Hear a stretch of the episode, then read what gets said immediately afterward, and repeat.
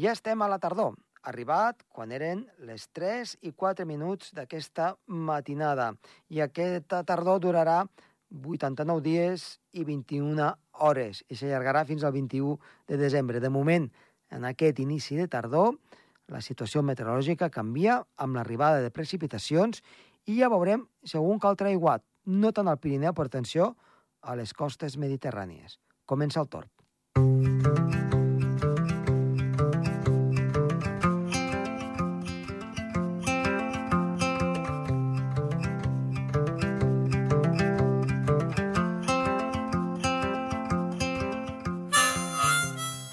Avui, per parlar justament de l'inici de la tardor i dels canvis que hi han d'haver, parlarem amb Josep Maria Gasca, que és observador meteorològic de Coi de Nargó, sobre les tempestes i concretament les tempestes que porten associades pedra. I a més a més parlarem una mica, farem un repàs del que està l'estiu i del que està sent aquest final d'estiu, aquest inici de tardor i el que ens pot portar al llarg d'aquests propers dies. Som-hi!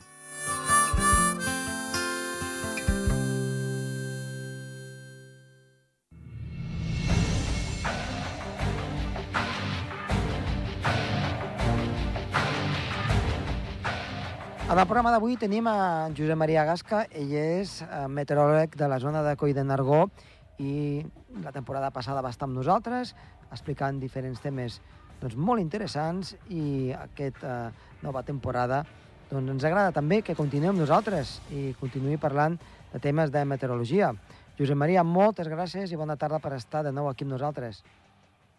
Bé, moltes gràcies a vosaltres, molt content i satisfet de fer-ho. Gràcies. Doncs el temari d'avui crec que és molt interessant i, de fet, és molt adient per l'època d'any en, què, en què estem vivint, no? Que és a doncs, finals d'estiu, principi sí, de sí. tardor, eh, justament avui, Sí, eh, dia 23, doncs, comença la tardor astronòmica, Mhm. eh, i, per tant, parlarem de les tempestes i, concretament, també les tempestes de pedra. Mm, Déu-n'hi-do. exacte. Exacte, és una època que estadísticament eh, aquesta setmana és de les que poden portar més aiguats de tot l'any. Vull dir, les eh, precipitacions fortes, intenses, de riuades, com la que va, es va donar al Vallès l'any 1962, Uh -huh. en moltes víctimes mortals, doncs va ser el dia 24. O sigui, estem parlant d'una setmana realment bastant crítica en quant Exacte. a, a fenòmens de, de tempestes, sí, sí. Eh, de fet- És aquesta, eh? De fet, el, el, avui que és Santa Tecla, dia 23, demà la Mercè, eh, l'aiguat de Santa Tecla, el que parles tu, doncs, Sí, eh, de la zona de Rubí, eh, d'ara fa 60 anys, no?, el 24. Per tant, exacte. la dita popular, no?, eh, que diu que al setembre o aixuga les fonts o s'emporta els ponts, no? Exacte. És una miqueta això, eh? Perquè van començar amb molta calor i ara, eh, Déu-n'hi-do, la situació s'ha anat engrescant, engrescant cada cop més. Sí, sí, sí, sí. sí. L'aigua de Santa Tecla, precisament perquè ja tinc algun any i els avis van viure molts anys, jo sentia parlar. A Priorat, a la Vilella Baixa, per exemple, no? Exacte. Eh, va haver inclús una víctima mortal, un parent llunyà, però la Conca Barberà, Baix, Montblanc, el riu, crec que era el Plugent, Mhm. eh, van va haver unes inundacions brutals. O sigui, l'aigua de Santa Tecla no s'ha produït cap aigua d'aquelles característiques allà mateix eh, fins ara, no? I esperem que no, no en torni a passar cap.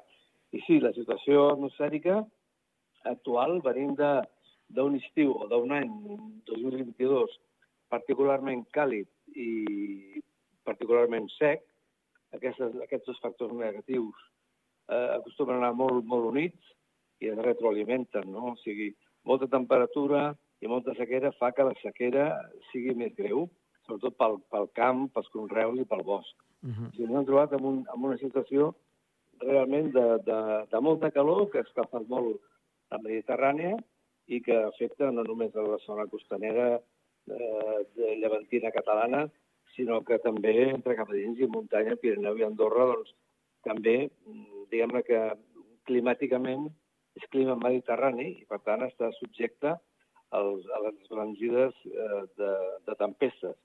Si bé és veritat que darrerament els grans aiguats es venen donant més cap a la província de Girona Uh -huh. i Tarragona, eh, algo a Barcelona, però que no penetren mm, rius amunt. I per això trobem que l'estat dels embassaments, eh, els que jo conec directament, perquè he passat avui mateix, per exemple, Oliana i el de Rialp o Tiurana, estan doncs, en condicions molt dolentes perquè Sí. les pluges, tot i que n'hi ha hagut algunes i que agost ha sigut més humit del normal, però el dèficit arrossegat doncs, era, era molt llarg i de molt temps. Doncs aquestes hem, tingut també dues o tres eh, onades de calor a l'estiu, vol dir una sèrie de dies amb temperatura superior a uns valors determinats que es consideren alts, i paral·lelament hem tingut mínimes, mínimes mm, molt, molt altes de la nit, i que, que el refrescament diari era mínim. Les mínimes eren altes, la, les màximes eren molt altes, i molts dies, i en moltes nits, en nits tropicals, que són mínimes de 20 graus o més, o tòrrides, que es poden començar a comptar ja nits de més de 25 graus Uh -huh. o en, en amunt. Vull dir que ha sigut un estiu d'un gran escalfament i que eh, que en Argó, per exemple, ja al juliol vam donar 38 graus eh, i a l'agost molts dies de 35, 35-36 a tota la conca del, del Segre. Jo crec que, en fi, a Cerdanya no, però diguem que de, de Organyà en avall fins a Pons i de més avall, doncs, temperatures més altes. Ah. A molts dies de 35 i 35 eh, fan molt, molt efecte d'escalfament i molta, molta sequera, no? A part, eh, pot, Ah, pot, llavors, potser, digue'm. perdona, eh? No, no pics de calor de, de 45, 46 graus, no? Exageracions d'aquestes, No, però sí que... no eh, aquesta és...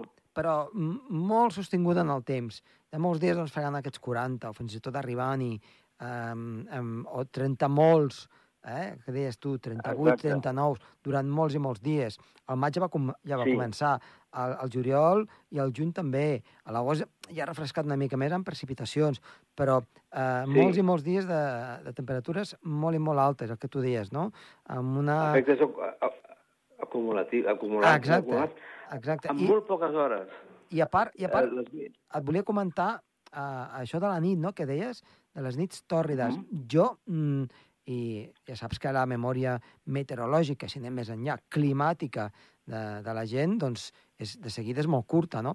Però jo, Sí. eh, nits, nits tropicals de, de mínimes de 20 graus, 21, 22, doncs eh, sí que sempre han sigut més o menys comuns, no molt, però Sí. nit tòrrides, veritablement, és de les primeres vegades eh, que ho sento anomenar gairebé en aquests darrers anys, perquè eh, anys enrere no ho havia sentit gairebé mai, o pràcticament mai. No, no, es va començar a la tropical a partir de 20 i després hem vist que el tropical quedava curt perquè Sí? hi havia 25 eh, Clar. i, bueno, i el litoral 26 i 27 de, de mínimes. Clar, no, no, tu, tu ho havies sentit mai, o havies viscut mai a, No. anys enrere? No, oi que no? Per, és primer... No, jo, recordo anys de més calor que aquest. Sí, Eh, bueno, el 2003 va ser molt càlid. exacte, sí, és veritat. 2003. 2003. Però jo ja no, me'n perdo de memòria molt endarrere, però recordo que pels anys 80 o 90 va fer unes nits realment impossibles. Eh, a l'Alt Urgent, per exemple, eh? per dir, Sí, comparar coses comparables.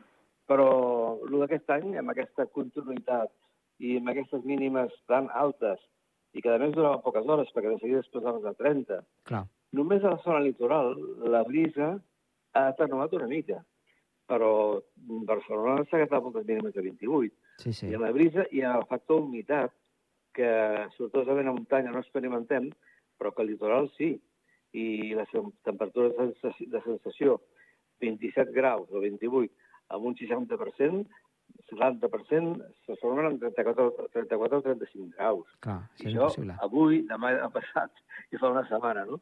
I això, és clar, per una banda és molt incòmode de viure, però per l'efecte meteorològic és energia que es va, que es va acumulant. Uh -huh. Es va acumulant i aleshores ens trobem en què es formen aquests núvols eh, de tempesta, els grans cumulonimbus, que semblen, en fi, una muntanya o una coliflor o una muntanya de nata, Uh -huh. i que són un creixement vertical molt, molt i no, important. Tot i que es considera que és un núvol alt, com a catalog catalogació, Uh -huh. en condicions favorables tenen 15.000 metres, o sigui, 15 quilòmetres, i no és estrany que arribin als 20 quilòmetres. Ja. Eh, avui mateix estàvem veient, bueno, avui, em sembla que va ser eh, aquesta setmana, o sigui, dilluns o dimarts, que estaven donant 15, 15 quilòmetres d'alçada. Uh -huh. Vull dir que és molt. I la situació va evolucionant eh, cap als propers dies o inclús eh, aquesta mateixa setmana, eh, del, del 20 i pic, 20 i escacs, de, de, de final de, principi de tardor, que tinguem doncs, núvols de, de 15 a 20 quilòmetres i tempestes importants eh, a molts llocs dintre la mateixa setmana. No? Vull dir, no, no cal dir s'intueix, no. I em sembla que està bastant encantat que tenen un festival. Doncs aquests núvols són els que, en definitiva, van, van adquirir una condició bastant impressionant, eh, que són, per explicar-vos, que estan alimentats per corrents internes que van tirant l'aire càlid i humit amunt i quan arriba una certa alçada i les temperatures de 15 sota 0 o més fredes, es comença a congelar, es condensa el vapor que puja i es condensa i formen eh, gotetes que es congelen automàticament i el núvol està ple doncs, de, de granets perquè a partir de, de, de, de les condensacions, o nuclis de condensació, no, no complicarem més perquè podria ser complicat, però van formant uns granets dins del núvol sí. que pugen i baixen. Uh -huh. Van pujant fins, de la, fins del núvol i cauen. Pugen pel mig i cauen pels laterals. Ja tenim el principi de, de la pedra, o com volem dir, que la marxa, sabeu que, que la marxa és fins a 0,5 centímetres, i centímetres, i a partir de ja 0,6 ja es considera pedra. Uh -huh. I a partir d'aquí pot créixer a grams i, i el que tu vulguis, no? Doncs ja aquest, aquesta mecànica s'estableix a, la, a la fase ja de maduració. Sabem que una tempesta de tres fases, formació, maduresa i dissipació. Doncs a la fase de, de l'inicial no fa res, sinó que anava creixent, i la de maduresa és quan té els grans moviments verticals, i la de dissipació és quan hi ha comencen a fer mamatocúmulos, aquelles menes de mames que pengen per sota, uh -huh. que ve a coincidir amb una fase ja o molt perifèrica o relativament terminal del núvol. Doncs bé, ara estaríem parlant de la fase de maduració, cap a aquestes pedretes que van pujant, de, de granís, i que es van i que, ja, que propiciaran que el núvol creixi i des, i desenvolupi fins a arribar a formar una enclusa, la típica visera, eh? la visera, una visera blanca que sí. surt cap a, poder ser cap a les dues bandes, que això vol dir que el núvol ha arribat al seu màxim creixement donades les condicions de, de ascendència o d'inestabilitat que troba, doncs ja llavors s'arriba a aquell punt de l'enclusa que rarament ja puja res de, de sobre, sinó que allò és el tope, no? Llavors ja pot haver allò amb l'overshooting, vull dir que surti un ramal, que surti una branca disparada per dalt, sí. però l'enclusa ja et demostra el mhm. punt màxim de la tempesta. És que això ho hem vist, eh? Això ho hem vist aquest estiu, oh. eh? Aquest overshooting, aquest... Eh, que, que quan arriba a l'enclusa, enclusa ha crescut una mica més, ja, sí. diguem-ne, en zona enemiga, no? Perquè eh, sí. ha, ha passat de la, de la troposfera, vull dir, s'ha trobat la tropopausa sí, sí. i, per tant, continua una mica més enllà, ja no, té condicions naturals per poder créixer, no? Exacte, vol dir que, que amb aquella inclús no en té prou, sinó que encara té potència, que normalment es queda amb aquests eh, trets a l'aire, diguem-ne, mm. però que el núvol té, té, té entitat, no? Llavors, aquest, aquest tipus d'alçada, l'amplada que té el núvol, el desplaçament que té, que normalment no en tenen massa, i estaríem parlant de 12.000 metres, amb corrents eh, càlides i, i caigudes.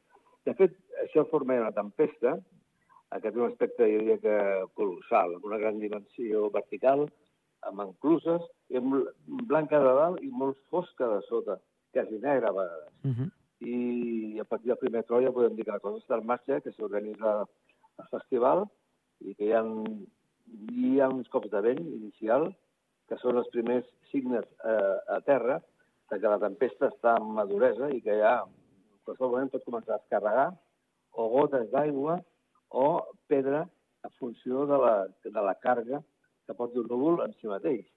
I això no és fàcil de veure si no tenim un radar a prop, que és difícil que tinguem un radar de campanya, però eh, hi ha uns punts que més endavant expliquem per veure si aquella, aquella tempesta eh, es portarà més soroll. O sigui, en tempestes no he classificat sis grups, eh, però poden haver-hi més. Eh? Vull dir, hi ha tempesta de calor de caràcter local, sí. que es fa, fa molta calor, que té una vida limitada que quan es pon el sol es desfà. Com les que tenim aquí a, a l'estiu, per exemple, no? A, a, sí, aquí a muntanya. Sí. Exacte, sobretot o a la part de Cerdanya o a Cadí o cap a uh -huh. serres més altes. Doncs és aquest tipus de núvol. Després hi ha la tempesta frontal, que hi ha un front fred que avança, i aleshores hi ha un canvi de masses i ve un, com fos un tren convectiu o un tren de tempestes o un, un d'allò, no? un sistema organitzat que avança sense perdre la seva configuració i que veus que avança tant per hora, doncs si està a Saragossa, doncs d'aquí 5 hores, eh, d'aquí 3 estarà a Lleida, i si d'aquí 5 doncs entrarà per Balaguer. Pots fer aquest és un sistema organitzat. Després hi ha una cèl·lula convectiva aïllada, que és el mateix que abans, una tempesta més o gran, més o més gran. Després hi ha sistemes convectius multicel·lulars, SCM, són tronades que tenen diverses tronades en si i que cada cèl·lula s'esgota i n'hi ha una altra que, que la renova. Però la tempesta en si té una durada limitada, de 20 minuts o mitja hora, però pot estar tronant i plovent hores perquè es van regenerant i autoformant-se per si mateix més tempestes. No?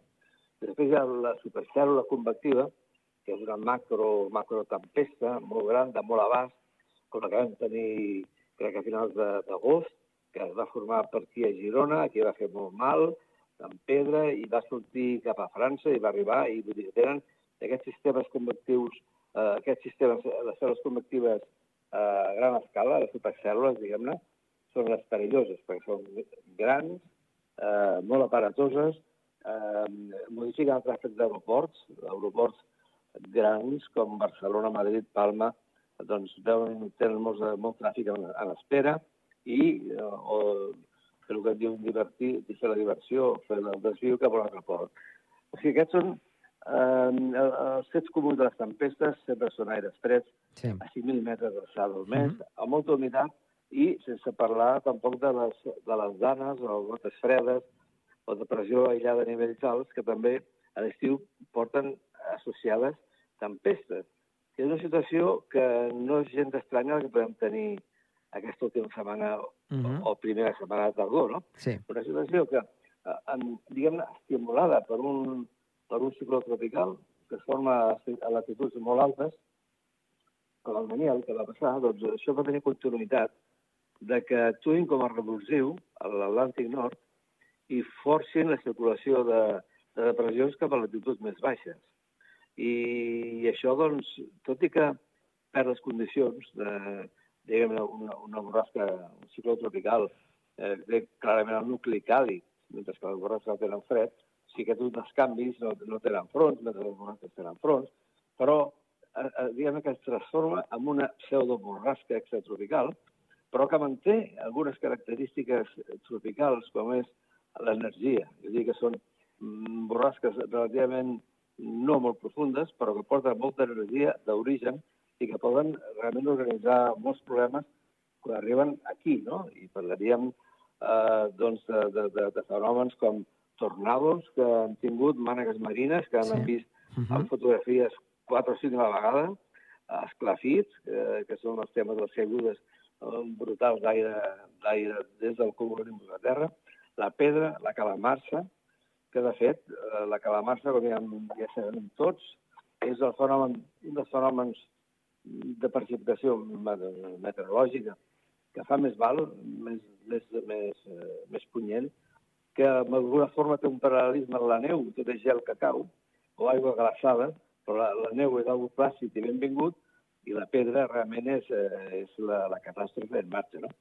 Doncs es forma la, comença, diguem, estava amb el núvol que comença a precipitar eh, i, i precipita calamarsa o calabruix o granissa o pedra o granissol o granís, com es vulgui dir, o pedrots, i que, i que aleshores el núvol a les seves ascendències ja no pot no, aquestes boletes de gel van caient i pujant, caient i pujant, i cada vegada van engruixint, van fent més, més gruix.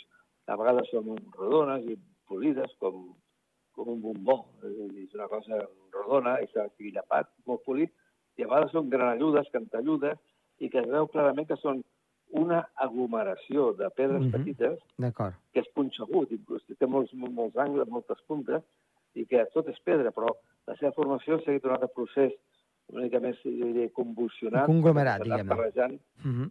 més, sí, s'ha anat barrejant i, i s'ha format aquests pedrots tan enormes que tiren avall però tot, tot és pedra i pot tenir diferents formes i, i tot cau, a veure, eh, segons el tipus de pedra, la relació pes-tamany és molt variable.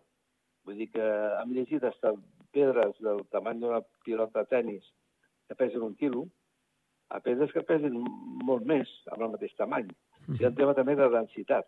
Ja. I la densitat i el pes és el que també et dona la velocitat de caiguda. Uh -huh. O sigui que podem comptar que cauen entre 50 i 150 km per hora i com més grosses i més presents, més ràpides cauen. Clar, fins a arribar al, al, al, fins a arribar a la, a la velocitat límit, no?, eh, de, de que cauen els Sí. objectes per la fricció de l'aire. A no ser, Exacte, al moment que... a, a no ser que, eh, com tu deies, eh, aquestes corrents tan fortes, siguin empentes eh, eh, amb més força cap avall. Eh, llavors Sí. podem tenir una velocitat mm, superior, a, Superior, suposo que és més de 200 km per hora, no?, que és la velocitat límit, no?, 220, em sembla, recordar, no?, de... No ho sé exactament, no sé, hi ha la fricció, hi ha l'aerodinàmica de la pedra, Mhm. haurà una que serà rodona que veurà més bé, l'altra serà molt aresta que quedarà més frenada, Eh, una trobaràs un, corrent o una cisalladura que li tallarà la velocitat, Ja, eh, però la Mhm. qüestió és que, diguem-ne que 100 per hora un quilo el, que et, ca et caigui al cap, clar, és una pobra criatura de 20... és mortífera, eh? una criatura de, de 20 mesos, doncs va perdre la vida al braç del seu pare a la Bisbal de l'Empordà. Sí, sí. Sigui que és realment poca broma, no? No, no. És, una, és una bèstia perillosa. És que això estàvem acostumats a veure-ho a, a zones doncs, com Texas o, bueno, a, Sí, al Midwest, no? a Nebraska, a Exacte. Oklahoma. Sí, al Middle East. Allà on hi ha les tornados, doncs també les pedregades. Mhm. Perquè normalment la pedregada és un fenomen que es dona en zones planes i grans plans. Uh, normalment.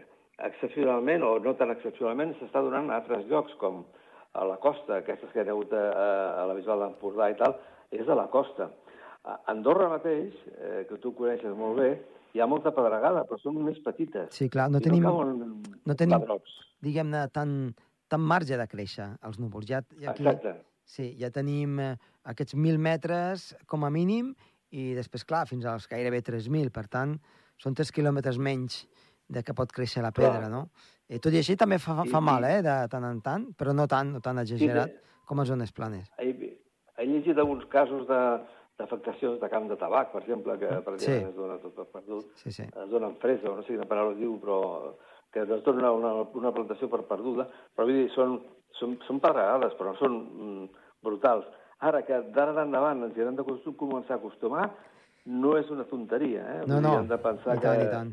estem en una fase... El, el, jo en dic alteració climàtica, Sí, sí, i tant. amb la qual vol dir que passen coses que no havien passat abans i que, i que bé, hem d'estar preparats que puguin anar passant. Doncs sí. Han caigut pedres a la història, no sé si estem ja sortint de temps. Doncs sí, ara, ara ja estem ja- una mica justets. Eh, estaria bé que Val. potser en un, pogué, en un proper programa poguéssim ampliar Sí. Eh, doncs, aquesta temàtica sobre Sí. pedregades o fets una mica doncs, fora del que és normal. Queda, queda tros, queda tros encara, encara queden aspectes Uh -huh. eh, sobre la pedra, característiques i, i, i alguna xifra històrica de, que, de, la, de pedregades antigues de fa més de mil anys amb, amb, amb més de set morts, no? Avui dia en dades de datació de carboni, doncs, eh. Però si vols ho deixem per una altra estona, Perfecte. entrem en detall sobre la, les pedregades més en detall. Doncs ho deixem per un proper programa i t'agraïm molt que avui Perfecte. hagis estat aquí amb nosaltres i que, que als nostres oients segurament els agradarà moltíssim. Moltes gràcies i fins la propera. Moltes gràcies. Adéu-siau. Moltes gràcies. Gràcies, adéu